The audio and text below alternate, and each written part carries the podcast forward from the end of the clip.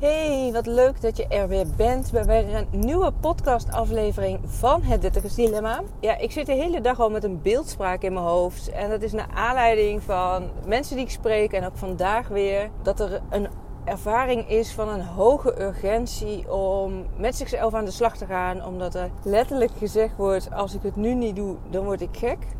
En dat de urgentie ook een acht of hoger wordt gegeven. Nou moet ik eerlijk zeggen, vind ik een acht nog aan de vrij lage kant. Als je zegt van hé, op het moment dat ik nu niet met mezelf aan de slag word, dan, dan word ik gek. Ik moet gewoon echt er nu mee bezig gaan. Laat ik vooropstellen, ik heb nergens een oordeel op. Dus ook als jij jezelf hierin herkent, of als jij voelt van hé, hey, dit is zo herkenbaar, ook voor mij, niks is goed of fout. Het is meer dat ik wil delen met jullie wat er dan gebeurt, zodat je jezelf daar bewust van wordt, zodat je ook de keuze hebt Ga ik hiermee door of ga ik hiermee aan de slag? Waarom ik dit zo zeg is ook omdat ik voel dat daar zoveel potentie in mensen zit. Dat de mensen zo voelen dat het anders mag zijn, kan zijn.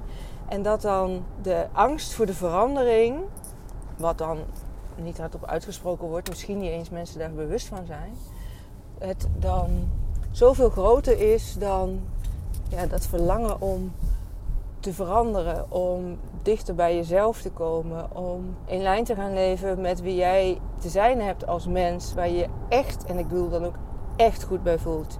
Niet als van ik heb het allemaal goed voor elkaar, ik heb een mooi huis, ik heb een leuk gezin, ik heb een goede baan en ondertussen ben ik allerlei ballen aan het hoog houden, van links naar rechts aan het rennen en voel ik dat er iets mis. Als dat is wat je voelt, dan is dit de uitnodiging om daar dus echt wat mee te doen. En de beeldspraak die ik steeds in mijn hoofd heb en die ook steeds wat groter wordt, is een, huis wat in de fik staat. En het begint misschien met een vlammetje, klein vlammetje, weet je wel, wat je voelt. Dat je denkt van dit is niet, eh, niet oké. En op een gegeven moment gaat dat vlammetje weer een beetje uit. Omdat je focust op iets anders. Of omdat je denkt, oh nou is er weer even een, een betere periode. Dus je voelt de vlammen even niet meer. Maar ondertussen is het wel ergens aan het smeulen in dat huis.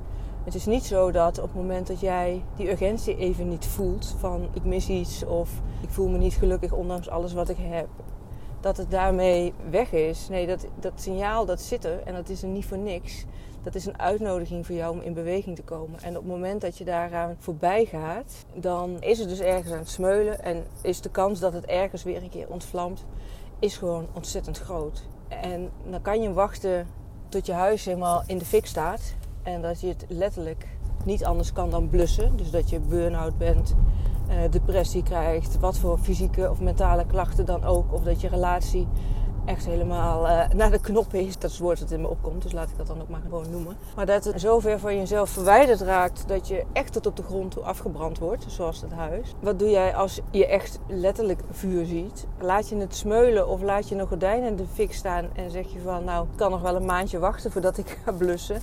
Of pak je dan gelijk die brandblussen? En dat voel ik zo op dit moment. Mensen die ik spreek of die ik voorbij zie komen soms dat de signalen niet goed opgepikt worden. In die zin dat het belang ervan niet opgepikt wordt. En een huis zie je branden, een vuur zie je, dat ruik je, de hitte voel je. En misschien is dat als je dat in je lijf voelt, de signalen die je ervaart dat het minder goed met je gaat.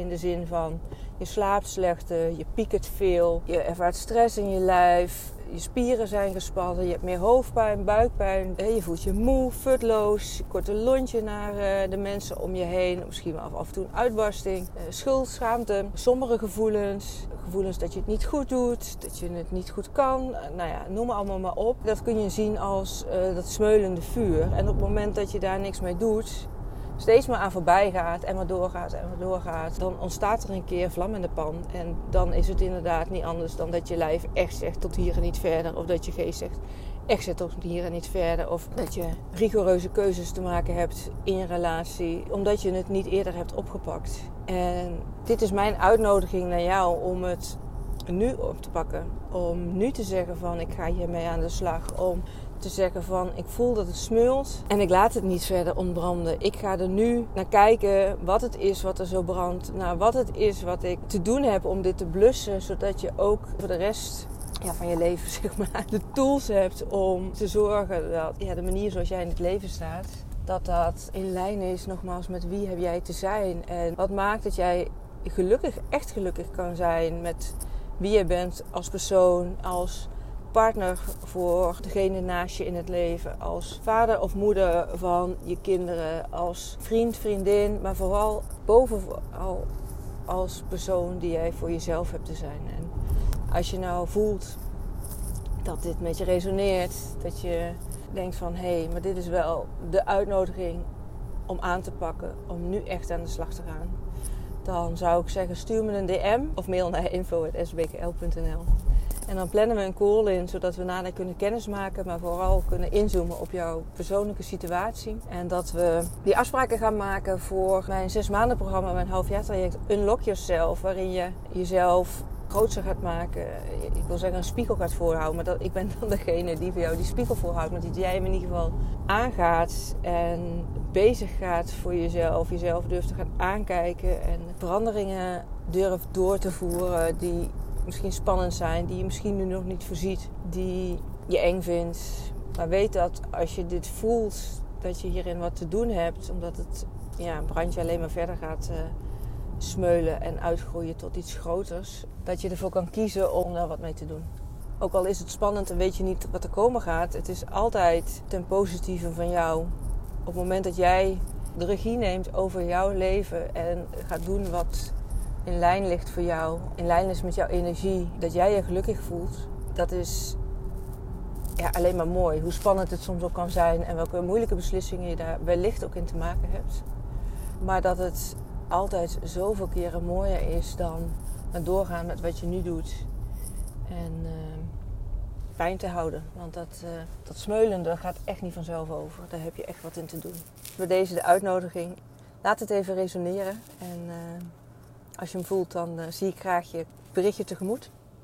Voor nu wens ik je een hele mooie dag. En een heel mooi leven natuurlijk. En tot in de volgende aflevering.